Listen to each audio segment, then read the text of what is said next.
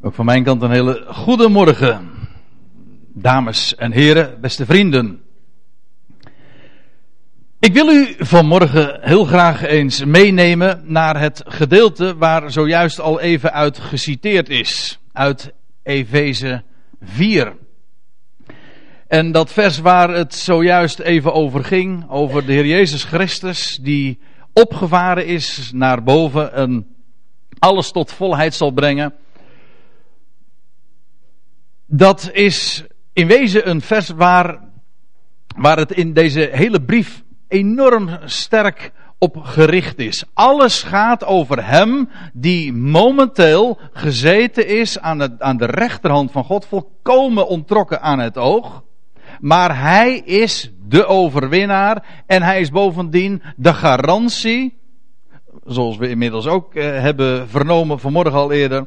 Hij is de garantie dat alles tot een goed einde gebracht gaat worden. En daarom zijn we inderdaad mensen met verwachting. Ik wil u vanmorgen meenemen dus naar dit gedeelte in Efeze 4, vers 8 tot en met 16. Ik ontkom er niet aan om het gedeelte toch wat uit zijn verband te rukken in die zin dat ik het voorgaande en het navolgende even moet laten voor wat het is. Maar wat ik u vooral wil vertellen is iets wat voor de meesten van u wellicht wat revolutionair is. Dat wil zeggen, ik zal u dingen gaan vertellen over de gaven die de Heer heeft gegeven. Op een manier zoals u dat eigenlijk uh, zelden verneemt. En daarmee waarschuw ik u meteen even. En zit u hopelijk meteen ook goed in uw stoel en dat u zich ook realiseert van, klopt het wat, eh, wat hier gezegd wordt? Ik hoop ook werkelijk dat u hier zo zit. Dat u eh, mij nu en dat wat ik zeg niet beoordeelt op grond van hoe, hoe het u verteld is, want daar gaat het niet om. Maar de vraag is, wat er gezegd wordt, is het in overeenstemming met dat wat er staat geschreven?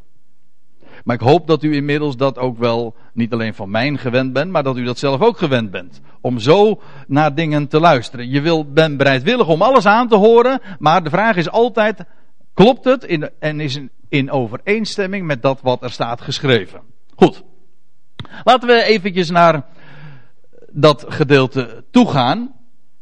En vers 8 van Efeze 4 begint dan te zeggen met daarom heet het. En in, in, feite is dit een introductie, want Paulus gaat hier iets citeren. Hij, hij geeft een citaat uit Psalm 68. En dat is heel opmerkelijk. Dat is trouwens altijd het geval. Want Paulus, ook de Efezebrief staat vol met citaten uit het Oude Testament. En wat Paulus doet, in, in, ook in, dit in deze brief. En in al zijn brieven is allerlei verborgen waarheden die al in de Tenach staan opgetekend.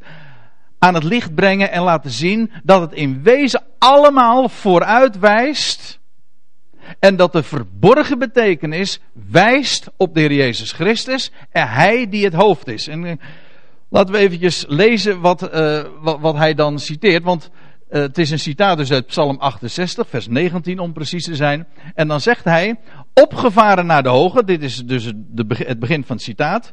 Opgevaren naar den hoge, voerde hij krijgsgevangenen mee en gaven gaf hij aan de mensen. Zo vindt u dat afhankelijk van uh, de precieze vertaling die u hebt, maar zo uh, vindt u dat in Psalm 68. En Paulus haalt dat aan. En dan laat hij zien dat het hier gaat, profetisch, over hem die is opgevaren naar de hemel. Ik moet er trouwens nog even bij zeggen, als hier staat, voerde hij krijgsgevangenen mee. Als u een statenvertaling hebt, staat het letterlijker weergegeven. Hij heeft de gevangenis gevangen genomen. De gevangenis is in de Bijbel vaak ook een uh, ballingschap. Dat is trouwens ook de gedachte in Psalm 68. Kijk, wij bedenken bij, bij gevangenis vooral aan dat je opgesloten zit. Dat is niet zozeer het Bijbelse idee. Het Bijbelse idee is niet dat je opgesloten zit, maar dat je buitengesloten bent. Dat is een gevangenschap. En vandaar ook dat het uh, dikwijls synoniem is met ballingschap. Je bent inderdaad een balling. En hier, gaat het, en hier wordt gesproken, hij heeft de gevangenis gevangen genomen. Nou weet ik dat er over dit, over dit woord nogal wat te doen is geweest. En sommigen zeggen, dit, dit heeft te maken met de wet. Dat zou die gevangenis zijn. Ik denk niet dat dat klopt in dit uh, verband. Ik denk dat het hier gaat over de Ecclesia. Dat wil zeggen, de gemeente. Paulus introduceert zichzelf trouwens ook aan het begin van, deze hoofd, van dit hoofdstuk als gevangene in Christus Jezus. Als gevangene in Christus Jezus moedig ik u dan aan, et cetera. Wel, eigenlijk is het zo dat de, de gemeente een, inderdaad een gevangenis is. U zegt, maar we zijn toch in de vrijheid? Ja, dat bedoel ik. We zijn buitengesloten. Wij zijn een, eh, een gevangenis. Het is eh, nog niet eens zo heel erg lang geleden. Maar toen hebben we op dezezelfde plaats ook nagedacht over, over die geschiedenis. Die schitterende geschiedenis over Jozef. Die ook in gevangenschap was. En die daar het hoofd feitelijk wordt van de gevangenis. En die daar geweldige verborgenheden uitlegt. Daar in die gevangenis. In die periode van twee jaar was dat. Weet u nog? Ja, ik zie sommige mensen eh, knikken met herkenning. Andere mensen denken, waar heeft hij het over? Dat kan ik me ook wel voorstellen als je dit voor het eerst hoort. Nou, wat ik, wat ik u eigenlijk gewoon wil aangeven is zo'n zo, zo'n verhaal als zo'n geschiedenis van, van Jozef, die, die verworpen is door zijn broeders en nog geen koning is over Egypte is een type van de Heer Jezus Christus, die inderdaad ook verworpen is door het huis van Jacob, door zijn broeders. En in afwachting is van het koningschap, het koninkrijk. En hij zal ook herkend weer worden en erkend worden door zijn broeders naar het vlees. Maar dat is nog toekomst. In die tussentijd is hij, bevindt hij zich in den vreemde, buitengesloten. Maar, let op, op een plaats waarin hij een enorme zegen betekent voor een, voor een aantal mensen die ook net als hij gevangen zijn, buitengesloten. Nou, dat is eigenlijk de Ecclesia. Ze hebben geen plaats in deze wereld, maar dat geeft niet. Wij worden verzorgd door hem. En hij geeft ons wat we nodig hebben en hij legt verborgenheden uit. En hij, geeft, hij maakt ons eigenlijk de grote geheimen bekend van, van God zelf. Nou, dat is die gevangenis. Daar gaat het nu verder niet, zo, uh, niet over. Maar ik, ik geef het eventjes aan om daarmee aan te geven ook dat, dat als hier gesproken wordt over die gevangenschap, die heeft hij gevangen genomen, die heeft hij meegevoerd, dan gaat het over, over ons. Die met hem verbonden zijn, Christus Jezus, in de hemelse gewesten. En wat doet hij? Wel, gaven geeft hij aan de mensen. En daar gaat eigenlijk deze studie ook vooral over. Hij geeft gaven aan de, mens, uh, aan, de, aan de mensen. Dat wil zeggen aan, die, aan degene die hij gevangen genomen heeft. Die met hem in gevangenschap zijn. Buitengesloten. En dan gaat Paulus, nadat hij dit citaat dan gegeven heeft, gaat hij uitleggen, toelichting geven. Hij zegt, wat betekent dit? Hij is opgevaren, anders dan dat hij ook neergedaald is naar de lagere aardse gewesten. Dat wil zeggen, hij die opgevaren is nu, hij is het ook die al eerder is neergedaald. Namelijk naar de lagere aardse gewesten. In letterlijk staat er de lagere delen van de aarde. Meestal wordt het dan uitgelegd als, ja, hij heeft zich vernederd. Hij was ooit bij God. Hij was de gestalte Gods en hij heeft zich vernederd en hij is een mens geworden en hij heeft zich vernederd tot de aarde. De lagere delen, namelijk de aarde. Ik neem het zelf nog letterlijker. Namelijk, ik denk dat het gewoon betekent de lagere delen van de aarde. En als je. Dat is heel opmerkelijk, want waar heeft de Heer Jezus rondgewandeld? Met name. Waar begon hij zijn bediening?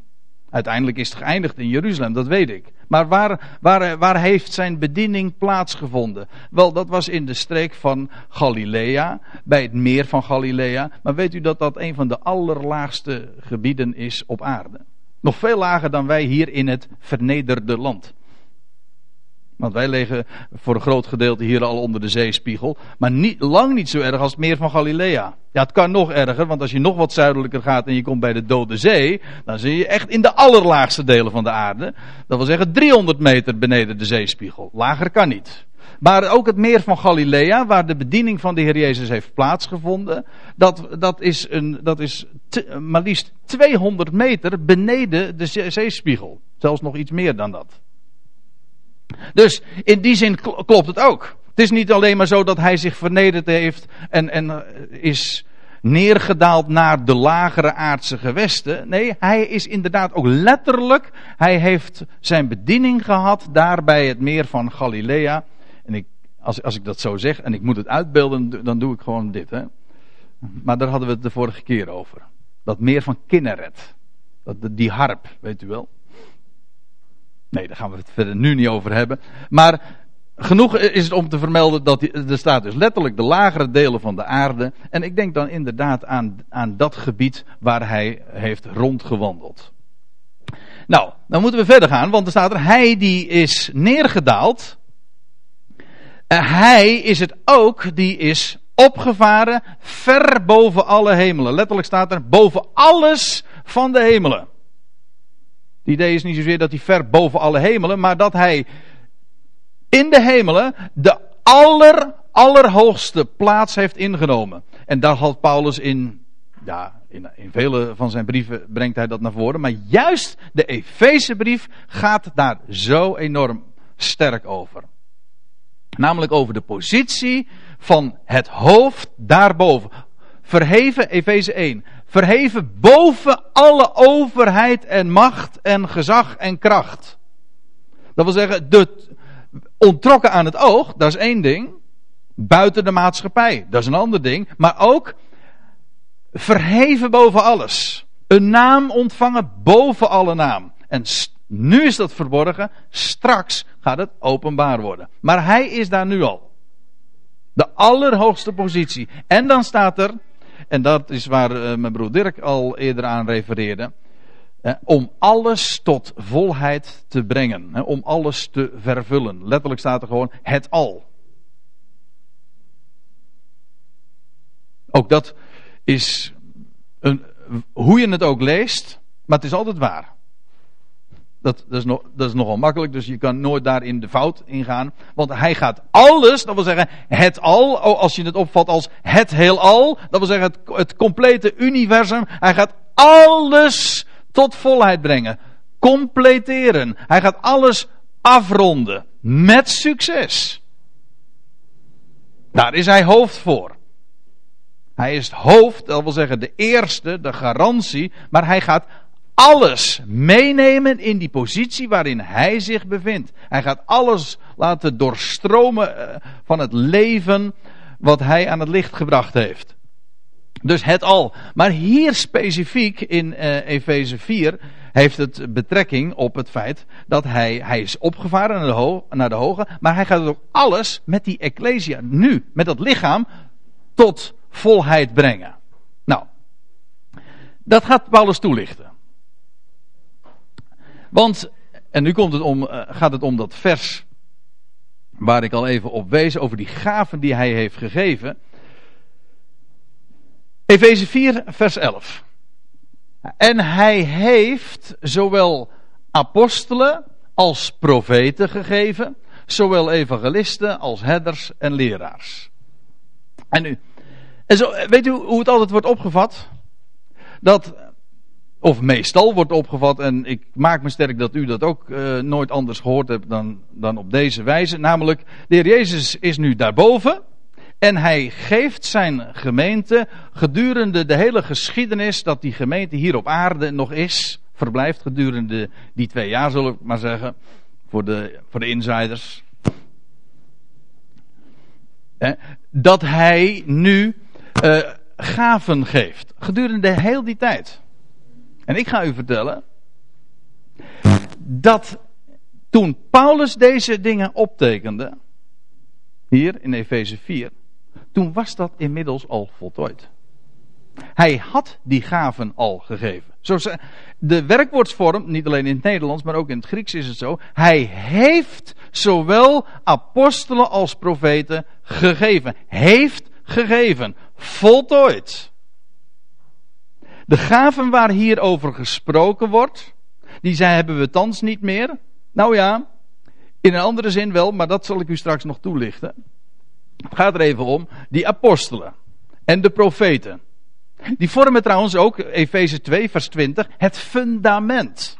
Alleen, uh, je leest in Efeze 2, vers 20 dat de apostelen en de profeten het fundament zijn waarop de Ecclesia, of deel uitmaken van. Uh, nee, hoe staat het nou precies? Uh, Christus Jezus is de hoeksteen. En uh, gebouwd op het fundament van de apostelen en de profeten. Dat wil zeggen het fundament dat de apostelen en de profeten hebben gelegd. Daarmee is gezegd dat die, die apostelen. Van de apostelen is het sowieso duidelijk. De apostelen, dat zijn immers de mensen die de Heer Jezus persoonlijk heeft afgevaardigd. Paulus zegt in 1 Korinthe 9. Ben ik geen apostel? Dat wil zeggen, eh, letterlijk betekent dat woord apostel gewoon een afgevaardigde. Ben ik geen apostel, zegt hij. Heb ik niet Jezus onze Heer gezien? Met andere woorden, een apostel is inderdaad iemand die Jezus onze Heer letterlijk ook gezien heeft. U vindt het in Handelingen 1 ook. Dat als daar een, een, een vervanger ge, uh, gezocht wordt voor Judas, dan, dan moet hij aan een aantal karakteristieken voldoen. Maar de eerste is deze, dat hij ook een ooggetuige is geweest van, van, van de Heer Jezus Christus en zijn opstanding. Paulus is wat dat betreft een apart soort. Hij zegt zelf ook, hij is het laatste, allerlaatste aan mij verschenen. Vanuit de hemel. Oké? Maar ook Paulus is een ooggetuige, hoogst persoonlijk. Afgevaardigd door de Heer Jezus Christus zelf. Uiteraard is dat, hoort dat alleen maar bij die beginperiode. Maar dat geldt voor de profeten ook.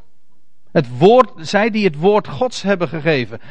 En wat ik u wil vertellen is, als hier gezegd wordt heeft gegeven, dan neem ik dat heel letterlijk. Toen Paulus dit optekende, was dit inmiddels voltooid. De Heer Jezus is opgevaren naar de hoge en hij heeft toen vanuit die positie gaven aan de gemeente gegeven, aan de ecclesia gegeven. Apostelen, profeten, evangelisten, herders en leraars. Het gaat hier over gaven die hij heeft gegeven om het woord van God tot volheid te brengen. Te completeren. Eh, in wijze, voor het gemak, maar ik zal het straks ook nog nader toelichten, gaat het hier gewoon over degene die ons het Nieuwe Testament hebben gegeven. De Griekse geschriften, of hoe je het ook maar zeggen wil. Het woord van God tot volheid hebben gebracht. Dat waren de apostelen. Dat zijn profeten. Wat we in het Nieuwe Testament vinden, dat zijn, ja, dat zijn apostelen, dat zijn profeten die gesproken hebben. neem een boek als Openbaring, is een duidelijk profetisch boek. Een voorzeggend boek. Profetie betekent letterlijk ook voorzeggen. En evangelisten, nou dat is toch niet moeilijk. evangelisten, dan gaat het over degene die het evangelie doorgeven. Dan denk ik niet alleen maar aan, aan de eerste boeken van het Nieuwe Testament, Matthäus, Marcus, Lucas Johannes. Maar ik denk ook aan wat Paulus naar, naar voren brengt als het evangelie van de, voorhuid, van, de, ja, van de voorhuid, het evangelie van de genade Gods. Daarin is hij een evangelist. U zegt, ja, maar iedereen die vandaag toch het evangelie eh, brengt is een evangelist. Dan zeg ik, nou, dat zou best kunnen. Maar daar gaat het hier niet over. Het gaat hier over gaven die de Heer heeft, heeft gegeven. Dat wil zeggen, toen Paulus dit optekende. In de tijd dat de gemeente nog onmondig was. Ik kom daar straks nog op terug, want dat, dat blijkt uit het vervolg.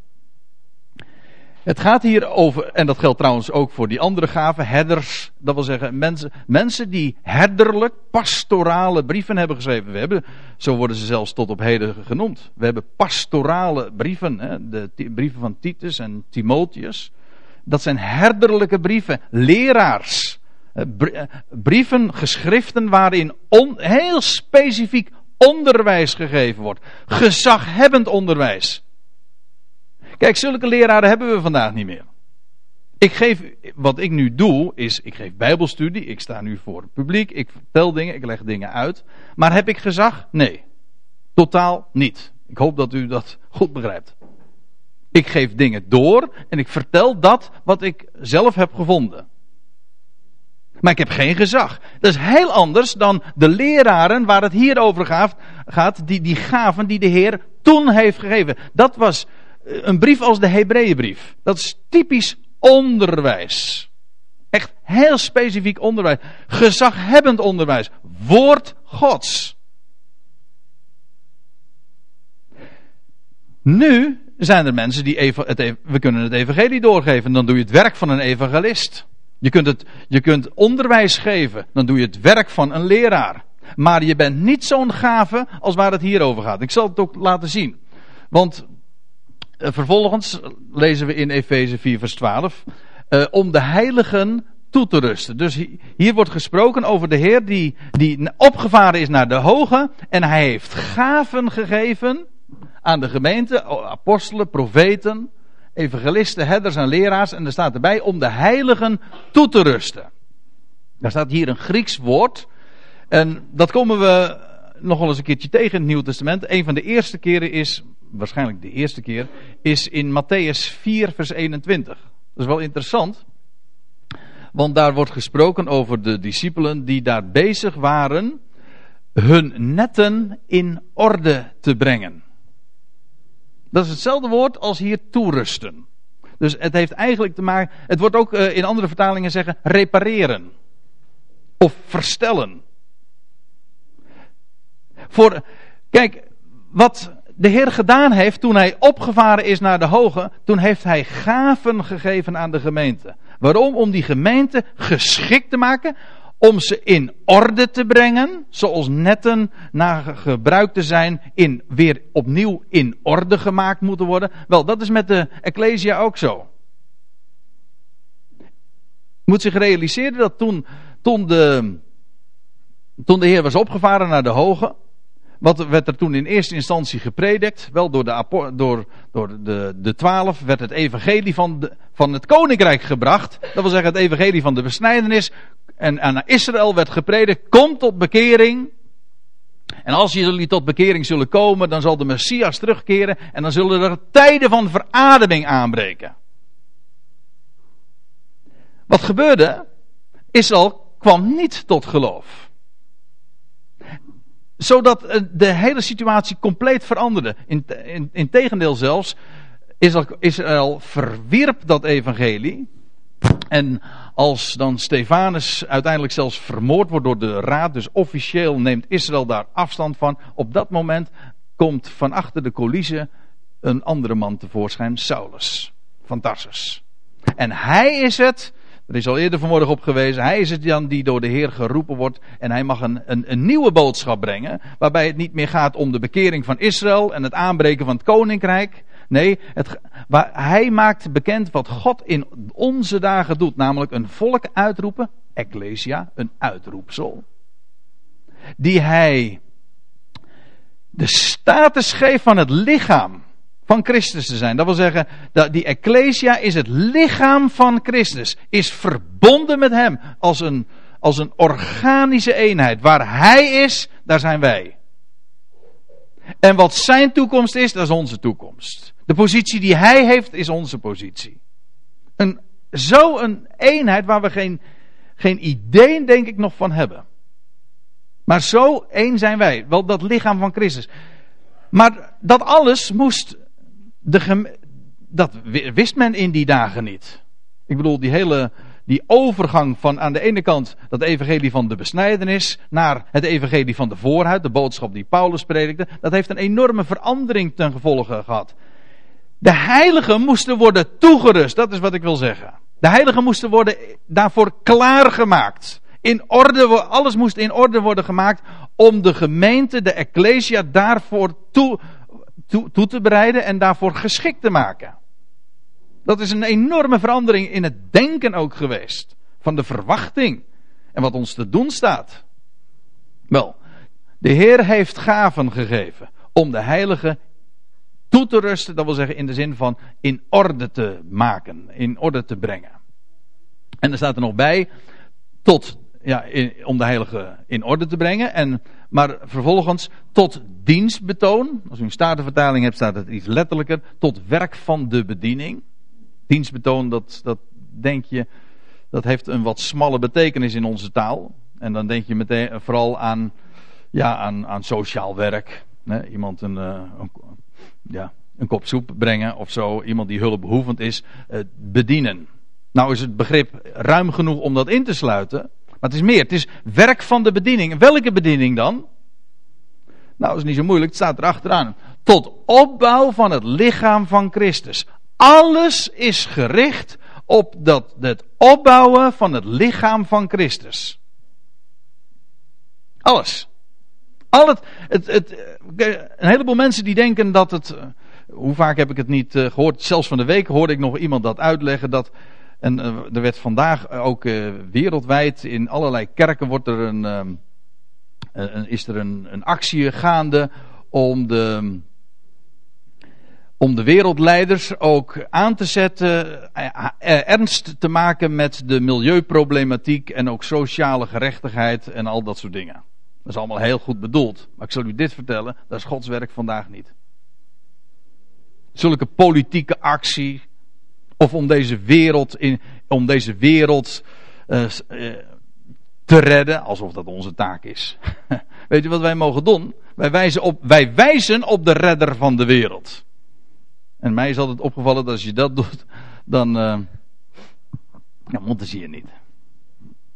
Nee, het gaat niet om wat wij doen of, of om, deze, om het koninkrijk in deze wereld gestalte te geven. Nee, het gaat om een, uitroepsel dat de Heer vandaag roept door de boodschap van het Evangelie. Iedereen die hoort van Hem, de Heer Jezus Christus, de grote overwinnaar, en dat in zijn hart omsluit, dat is een gelovige. En die wordt daarmee uitgeroepen. En die hoort bij die Ecclesia. En wat is hun taak?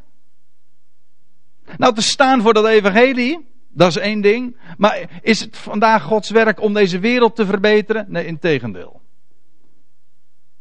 Of om een, om is het onze taak om een plaats in deze wereld in te nemen? Integendeel, we zijn, we zijn ballingen, buitengesloten, uitgeroepen. En waar het om gaat is dat die gemeente gebouwd wordt. Niet alleen maar in de zin van dat er mensen worden toegevoegd aan die Ecclesia, maar ook zij die horen bij die Ecclesia, dat ze opgebouwd worden, Hem beter leren kennen.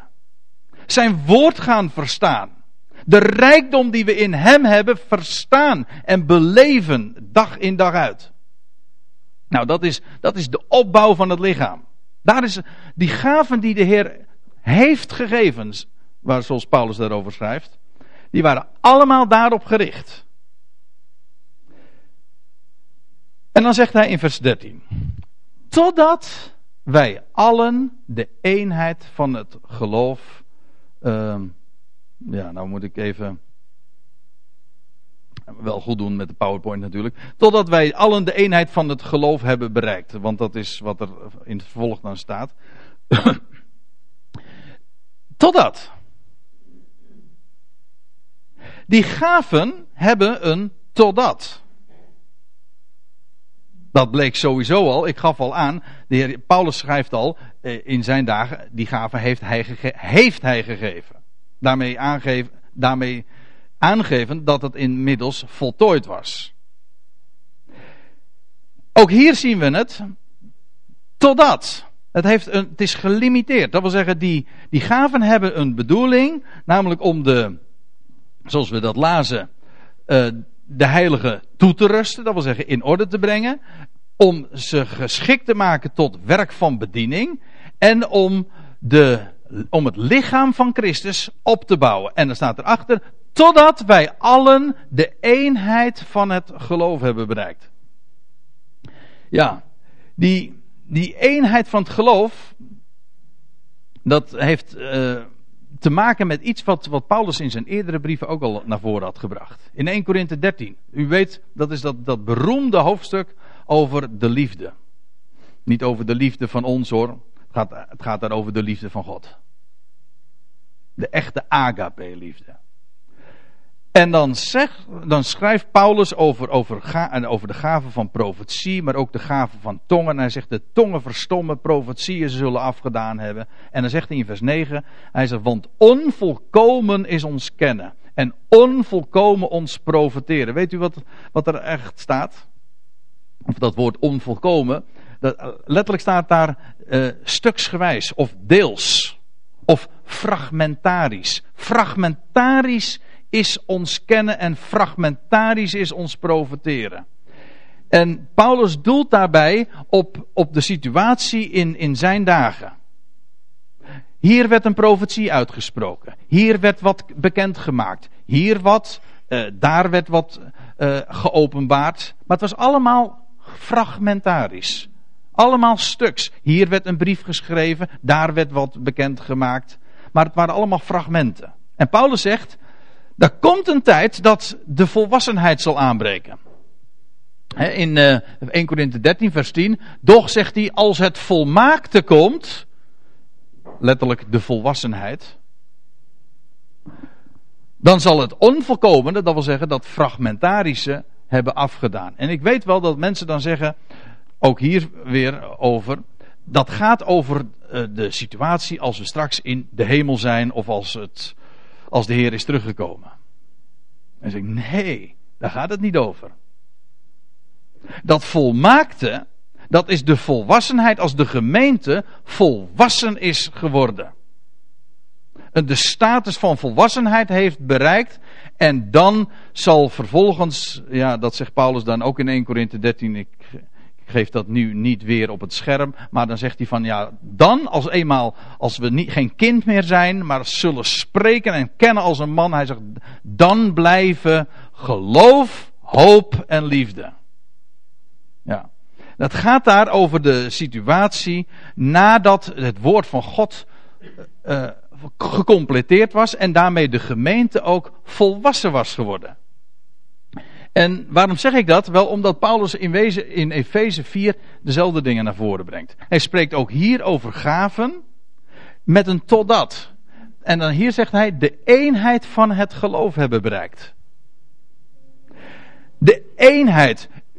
Realiseert u zich dat in de dagen dat het Nieuwe Testament nog geschreven werd, in de dagen van de apostelen, dat het allemaal fragmentarisch was. Er waren bovendien ook verschillende ja, richtingen nog. Aan de ene kant had je daar de twaalf, die, eh, aan, wie het evangelie van het koninkrijk was toevertrouwd. En die helemaal nog moest omdenken en de nieuwe boodschap die Paulus eh, verkondigde, uh, moesten verstaan. Er, er, moest, er was nog geen eenheid van geloof. De, de ene geloofde dit en de ene stond in deze lijn en de andere stond in die lijn. Paulus zegt, dat zal veranderen. Als eenmaal die, als die gaven hun werk hebben gedaan, dan zal eh, eenmaal de eenheid van het geloof zijn bereikt. En nou, ik ga even verder. Ja, dan moet ik eventjes uh, verder lezen. En de volle kennis van de Zoon van Gods zal zijn bereikt. Namelijk de mannelijke rijpheid. De volle kennis, dat wil zeggen het besef, het realiseren. Het gaat er hier over het, het compleet. Uh, de, de status van, van volwassenheid. De gemeente heeft dan ontvangen de kennis die ze moet hebben. En ze is dan tot besef gekomen van wie de zoon van God werkelijk is. En weet u waar het allemaal mee te maken heeft? Met het complete woord van God. Want we lezen in, in 2 Timotheus 3. Daar schrijft Paulus aan het einde van zijn leven. Alle schrift, alle schrift is van God ingegeven, geïnspireerd. Niet alleen maar, het, niet alleen maar de boeken van de Tenach, het Oude Testament, nee, alle schrift. Alles wat inmiddels opgetekend was in de dagen van Paulus. Hij zegt, elke schrift is van God geïnspireerd. Vandaar ook dat Paulus aan zijn eind van zijn leven, ik heb er vorige week in Den Haag nog over gesproken, een aantal van u weten dat, dat hij zich zo ook beijverd heeft om de boeken en de geschriften bij elkaar te brengen. Alles wat inmiddels al gedocumenteerd was. Hij zegt, al die schrift is van God ingegeven, Timotheus. En zegt hij, nuttig om dat te onderrichten, te weerleggen, dat wil zeggen om daarmee te weerleggen, te verbeteren, op te voeden in de gerechtigheid. En dan komt het, opdat de mens van God volkomen zij, tot alle goed werk volkomen toegerust. Realiseert u zich wat we in de schriften hebben, in de complete schriften? En Paulus zegt zelf eh, dat aan hem de bediening was gegeven om het woord van God te completeren, te vervullen. Hij heeft dat gedaan. En nu hebben we de schriften. Volkomen. Elke schrift. En die schriften zijn in staat om de mens van God volkomen te laten zijn. En tot alle goed werk volkomen toe te rusten. De schriften zijn compleet, maar de schriften zijn ook werkelijk af in die zin dat ze in staat zijn een, de mens van God alles te geven wat hij nodig heeft. Dat is het woord van God. Er gaat niets boven dat woord. Mensenwoord. Ach, wat is dat? Ik weet het. In de loop van de kerkgeschiedenis is er zoveel mensenwoord heilig verklaard. Men is afgeweken van het woord van God. En daarom is het zo belangrijk dat we onze wortels uitslaan in dat wat God gesproken heeft. Daar onze voeding aan onttrekken. Daar vast in worden. Daar ons niet van laten afbrengen van dat woord van God. Wel, die schriften die zijn compleet.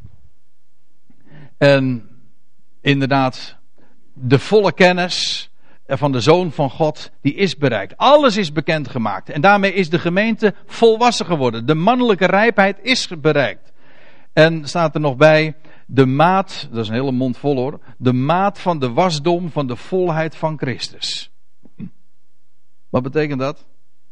Nou, het, het, heeft te maken met, met het feit dat de gemeente, de Ecclesia, inmiddels de, de, de wasdom heeft bereikt. Dat wil zeggen, de volheid van Christus. Alles wat te weten is over hem, dat is neergelegd, is opgetekend. En de gemeente is daarmee volwassen geworden. En weet u wat er dan vervolgens staat in vers 14? Dan zijn wij niet meer onmondig. Of letterlijk staat er, opdat wij niet meer onmondig zijn. Op en neer, heen en weer geslingerd onder invloed van allerlei wind van leer. En er, er wordt wat verteld hoor.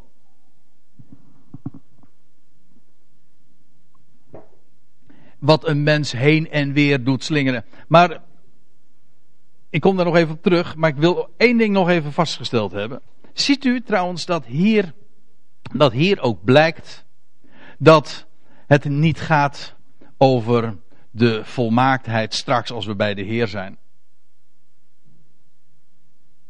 Nee, want Paulus had gezegd van, ja, als we dan, als dat eenmaal bereikt is, als de gemeente volwassen is geworden, hij zegt dan, dan, dan zijn we niet meer, of opdat we niet meer onmondig zijn, op en neer, heen en weer geslingerd onder invloed van allerlei wind van leer.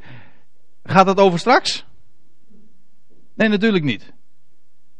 Het gaat hier over een situatie die al bereikt wordt hier op aarde, dat de gaven hun werk hebben gedaan. En dat de gemeente inmiddels in, in, in een zodanige situatie is beland, volwassen is geworden en dat ze vastheid heeft gevonden. En het niet meer nodig is dat ze heen en weer geslingerd wordt door allerlei wind van leer. Waarom? Alles wat ze weten moet, is bekendgemaakt. Dat solide fundament staat. En er is niets wat ons daarvan af zou hoeven te brengen.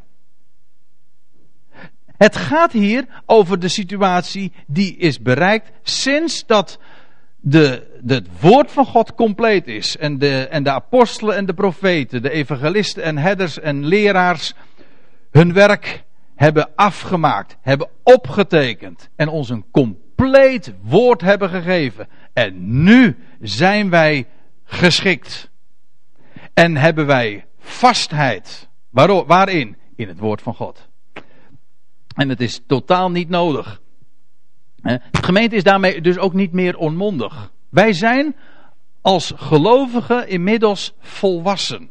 Dat wil zeggen als geheel. Ik heb het nu niet over individuele, over individuen, maar de gemeente als geheel heeft de mannelijke rijpheid bereikt. En alles wat we weten moeten, dat is bekendgemaakt. En de een staat niet boven de ander. En de een is, die heeft niet het gezag van een leraar. Jij moet geloven wat ik zeg. Nee, wij zijn met z'n allen, als gelovigen, mondig. Waarom?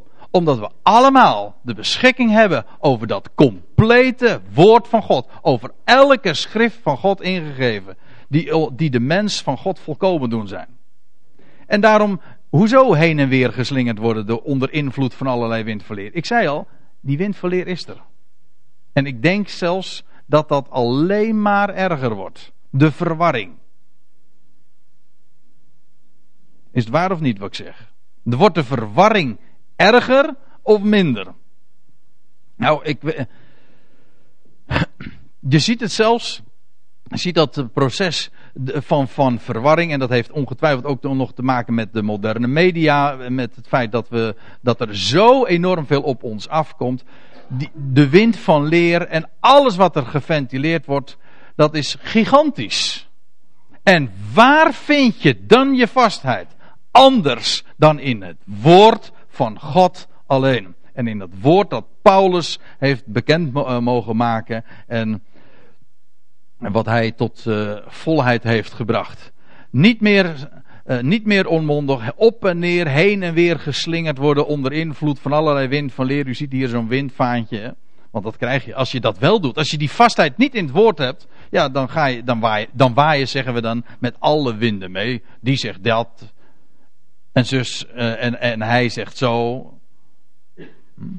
En in de krant stond dit. En theoloog die beweert dit. En een filosoof die heeft weer een andere bewering. Ja, waar vind je dan een, een basis? Waar vind je dan rust? Wel, heel simpel. In dat woord van God dat af is, dat afgerond is. En staat er nog bij, niet meer heen en weer geslingerd door allerlei, onder invloed van allerlei wind van leer. Door het valse spel van de mensen staat er nog bij. In hun sluwheid die tot dwaling verleidt. Want het is maar niet alleen zo dat er heel veel wind van leer is en dat er zo van alles beweerd wordt waardoor je zomaar het, als je daarop blind staat, het, uh, je oriëntatie volstrekt kwijtraakt. En inderdaad verdwaalt. Want dat is toch wat dwaling is. Je bent je oriëntatie kwijt. Je weet niet meer waar je bevindt. Je weet niet waar je naartoe moet gaan. Je weet, je weet het niet meer. Welke route. En, dat is het lot van, van talloze mensen vandaag. Ja, niet alleen in de wereld. Is zelfs gelovigen. Die ook gedesoriënteerd zijn. Weet u hoe dat komt? Ze kennen het woord niet. En ze weten niet ook het woord recht te snijden. Ze weten niet waar ze in dat woord moeten beginnen. En ze hebben geen goede leer. Want u zegt van ja, maar die Bijbel is zo moeilijk. Ik zeg nou, dan heb je, weet je wat je dan nodig hebt? Een leermeester. en die heeft God ons gegeven. Iemand die de schriften geweldig uitlegt. Dat, dat is Paulus. Die leermeester van de natie. Bij hem moet je wezen. En hij, hij maakt ons weg, wegwijs, met recht, in heel de schrift. En wat een panorama's worden er dan zichtbaar. Dat geeft vastheid, maar ook oriëntatie. En voor de rest, ja, dat valse spel van de mensen, al die leugen. Er staat hier uh, in hun sluwheid die tot dwaling verleidt. Letterlijk staat er. Als je een concordant version hebt, dan staat er uh, het zo ook weergegeven in het Engels. Tot systematisering van de dwaling. Hier wordt een woord gebruikt dat waar ons woordje methode of methodiek van afgeleid is. Alle, die dwalingen, dat is maar niet zomaar wat uh, ad hoc plaatsvindt. Uh, leugens die, die geventileerd worden. Nee, er, is, er zit systeem in. Je wordt geïndoctrineerd, geprogrammeerd. Daar, daar is echt over nagedacht. Ja. En juist dat maakt het allemaal nog des te gevaarlijker. Als je niet weet waar je, waar je het zoeken moet. Maar sinds de gemeente volwassen is geworden, het woord van God compleet is, weten we, hebben we rust en vastheid in dat woord, maar in dat woord ook alleen. En weet u wat er dan gebeurt? Nou, waar vers 15 over spreekt. Maar dan groeien wij ons aan de waarheid houdende. Ziet u trouwens, het verschil. Paulus had gesproken aan de ene kant over de gemeente als geheel die de mannelijke rijpheid had bereikt. Volwassen was geworden. Ja, dat is als geheel. Het collectief. Sinds het woord van God compleet is, is de Ecclesia volwassen. Ja, maar individueel groeien we nog steeds op. Dat staat hier ook. Dan groeien wij persoonlijk ons aan de waarheid houdende, letterlijk staat er waar zijnde, waarachtig zijnde. De waarheid houdende, inderdaad. Daaraan vasthoudende. Die waarheid is neergelegd, zwart op wit opgetekend. En dat is woord Gods. Daar houden we ons aan vast. En weet u wat het prachtige daarvan is? We, als je aan die waarheid vasthoudt, dan groei je naar elkaar toe. Dan vind je elkaar ook. In hem namelijk. Dan sta je namelijk, dan, dan, dan hoef je zelf niks te verzinnen of te bedenken, dan hou je je gewoon aan dat woord wat gegeven is. En dan wandelen we in die waarheid. En dan vinden we elkaar ook. Ons aan de waarheid houdende staat er in liefde in elk opzicht naar Hem toe die het hoofd is. Christus. Ik zat even te denken. Toen, dat was nog vannacht hoor. Was heel erg laat geworden. In verband met uh, computerproblemen. En toen uh, dacht ik uh, heel laat uh, vanavond, vannacht, of heel vroeg, nog over dit gedeelte na. En toen schoot me het beeld van een piramide te binnen. Over dat naar elkaar toe groeien. Een, een piramide is een prachtig beeld van aan de ene kant op het grondvlak, hè, die vier hoeken. Dat is een beeld trouwens van de aarde. De vier hoeken der aarde, de vier windhoeken. Ja, maar wij groeien naar boven. Hè. Wij oriënteren ons op Hem, op, op het, de, de sluitsteen. En wij groeien, wij vinden elkaar in Hem. En gefundeerd in de waarheid groeien wij naar elkaar toe. Wij vinden elkaar niet door alle. In, dat is geen organisatie hoor. De gemeente is geen organisatie, de gemeente is een organisme is een hoofd en lichaam. En hij brengt ons bij elkaar. En aan de waarheid houdende groeien we naar hem toe. Weet je wat ik trouwens mooi vind van die piramide? Ja, even tussendoor, hè. mag toch? Van die piramide, daar ontbreekt de top. Die is niet zichtbaar. De, de, de, sluitsteen zit daar niet op. Op de grote piramide in, uh, in Egypte. De piramide. Er is geen sluitsteen. Die is verborgen. Ja, waar zou die sluitsteen nou toch zijn? Hè? Denk je dan? De top. Ja, nou, dit is een mooi verhaal. Over die piramides. Ik wil daar eh, heel graag nog een keertje over spreken. Naar aanleiding van wat we in Jezaja daar al over vinden. Maar nu is het voldoende om te zeggen dat we, als wij houden, ons houden aan de waarheid. Dat wil zeggen, dat wat zwart op wit staat geschreven. En dat woord van de waarheid recht snijden en ons oriënteren op de apostel die voor ons als leermeester is gegeven, wel, dan groeien we ons aan de waarheid houdende in liefde. Want die waarheid is juist ook de boodschap van de liefde Gods. In liefde groeien wij in elk opzicht naar Hem toe. Daarboven, die het hoofd is. De top. Christus. En staat er dan, en ik uh, wil het alleen maar lezen ter afsluiting, want dat is eigenlijk het, uh, het, het finale gedeelte van, van van deze passage. En aan hem, dat wil zeggen aan hem, het hoofd, Christus, ontleent het hele lichaam als een welsluitend geheel. Het gaat hier niet over een organisatie natuurlijk. Hè? Organisatorisch is de, is de christenheid een puinhoop en een ruïne. Maar de Ecclesia, dat is een volmaakt lichaam. Dat wil zeggen, het is een, een hoofd en een lichaam als een welsluitend geheel. En dat wordt bijeengehouden door de dienst van al zijn geledingen. Die elk lid op zijn wijze uitoefent. Ja, maar, maar hoe komt dat? Nou, dat komt omdat het allemaal, dat lichaam, dat, dat functioneert gewoon vanuit het hoofd. Zoals mijn lichaam ook en uw lichaam functioneert vanuit het hoofd. Daar wordt alles geredigeerd. En daar wordt alles geregisseerd. En, en zo is het met de gemeente ook, de Ecclesia. Hij bouwt die gemeente op. En dus dan staat erbij, naar de kracht die, hij, die elk licht, lid op zijn wijze oefent, deze groei van het lichaam om zichzelf op te bouwen in de liefde. Kijk, en om, om nou eventjes samenvattend dat nog eens neer te zetten. De Heer, toen hij opvoer naar de hemel, heeft hij gaven gegeven. Een vijftal gaven. Ooit, die begintijd. En dat werk is afgerond. Is tot volheid gekomen. En sindsdien is het woord van God compleet. En de gemeente is volwassen. En nu is er geen enkele reden meer om heen en weer geslingerd te worden. Integendeel, de waarheid is bekendgemaakt.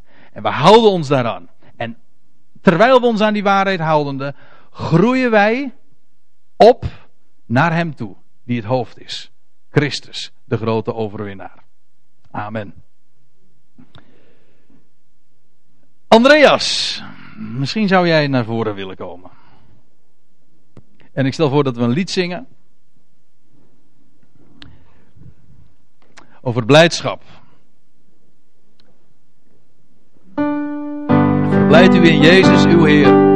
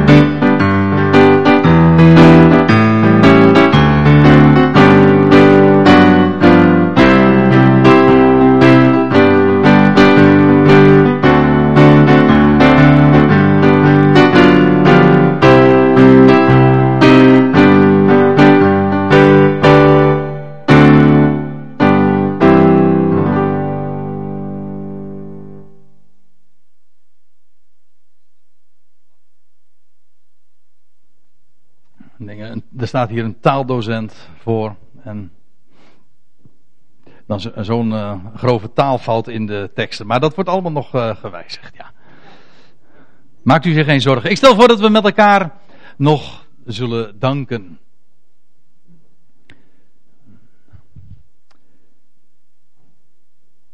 Machtige God en Vader, we willen u zo hartelijk dank zeggen dat we uw woord mogen bezitten. En inmiddels zoveel eeuwen nadat Paulus dit ooit optekende, dat hij sprak over die gaven die gegeven zijn door de opgevaren en verrezen Heer, verlustigen we ons nog steeds zo in die machtige waarheden die, die zijn opgetekend. En in dat woord van God dat tot volheid is gebracht, compleet is. En alle schrift staat ons nu ter beschikking. Heren, wat is het machtig dat u ons zo ook terwijl de christenheid een, een ruïne is geworden en ook naar uw woord, zoals dat ook voorzegd is, dat dat fundament van u nog solide, ongeschokt blijft staan. En op dat fundament mogen we staan. En mogen we, zoals we dat zojuist zongen, ons in verblijden. Want al is er zoveel dwaling, al is er zoveel duisternis, al zijn er zoveel mensen compleet gedesoriënteerd. En we, we zien het met, met compassie aan uh, hoe, hoe mensen compleet vertwijfeld zijn en het niet meer zien zitten of niet meer weten waar ze het zoeken moeten. Dat is afschuwelijk. Maar Heer, wat is het daarom geweldig als wij weten hebben van die grote overwinnaar. Als we weet mogen hebben van dat woord van u, dat nooit en te nimmer wijkt en faalt en dat volmaakt is. En telkens weer, wanneer we ons daarmee bezighouden, worden we daarop gewezen. Heren, we danken u dat, we, dat u uw gemeente verzorgt als een welsluitend geheel en vanuit de hemel, als hoofd, regelt u alles. Dat onttrekt zich aan onze ogen en onze waarneming. En het is ook geen, niet onze organisatie. U regelt dat. U zendt uw woord uit en door middel van dat woord trekt u mensen uit de wereld, roept u ze uit, maar vormt u ze vervolgens ook. En Heer, we zijn hier bij elkaar ook als, als een, een uitroepsel, als een vergadering, als mensen die ons oriënteren op dat woord van u. En we danken u, Vader, dat we zo ons ook, zo onze weg mogen vervolgen in blijdschap, in vreugde, opzien naar boven. En dat we in liefde, ons aan de waarheid houdende in liefde, in elk opzicht naar u toe mogen groeien. En zo, Heer, bevelen we ons ook voor de rest van deze dag, voor de komende week bij u aan. En we danken u dat we voor uw rekening zijn. Van u verwachten we nooit te veel. Amen. Ik stel voor dat we nog één lied zingen. En dat was een keuze van Andreas. Hm? God van trouw u verandert nooit. Dat geldt ook voor zijn woord dat hij heeft gegeven. Eeuwige u, mijn vredevorst. Want juist daarin is die vrede die hij geeft gelegen. Allerheer, ik vertrouw op u. En terwijl we dit lied zingen met elkaar, gaat het uh, collectzakje rond ter bestrijding van de onkosten.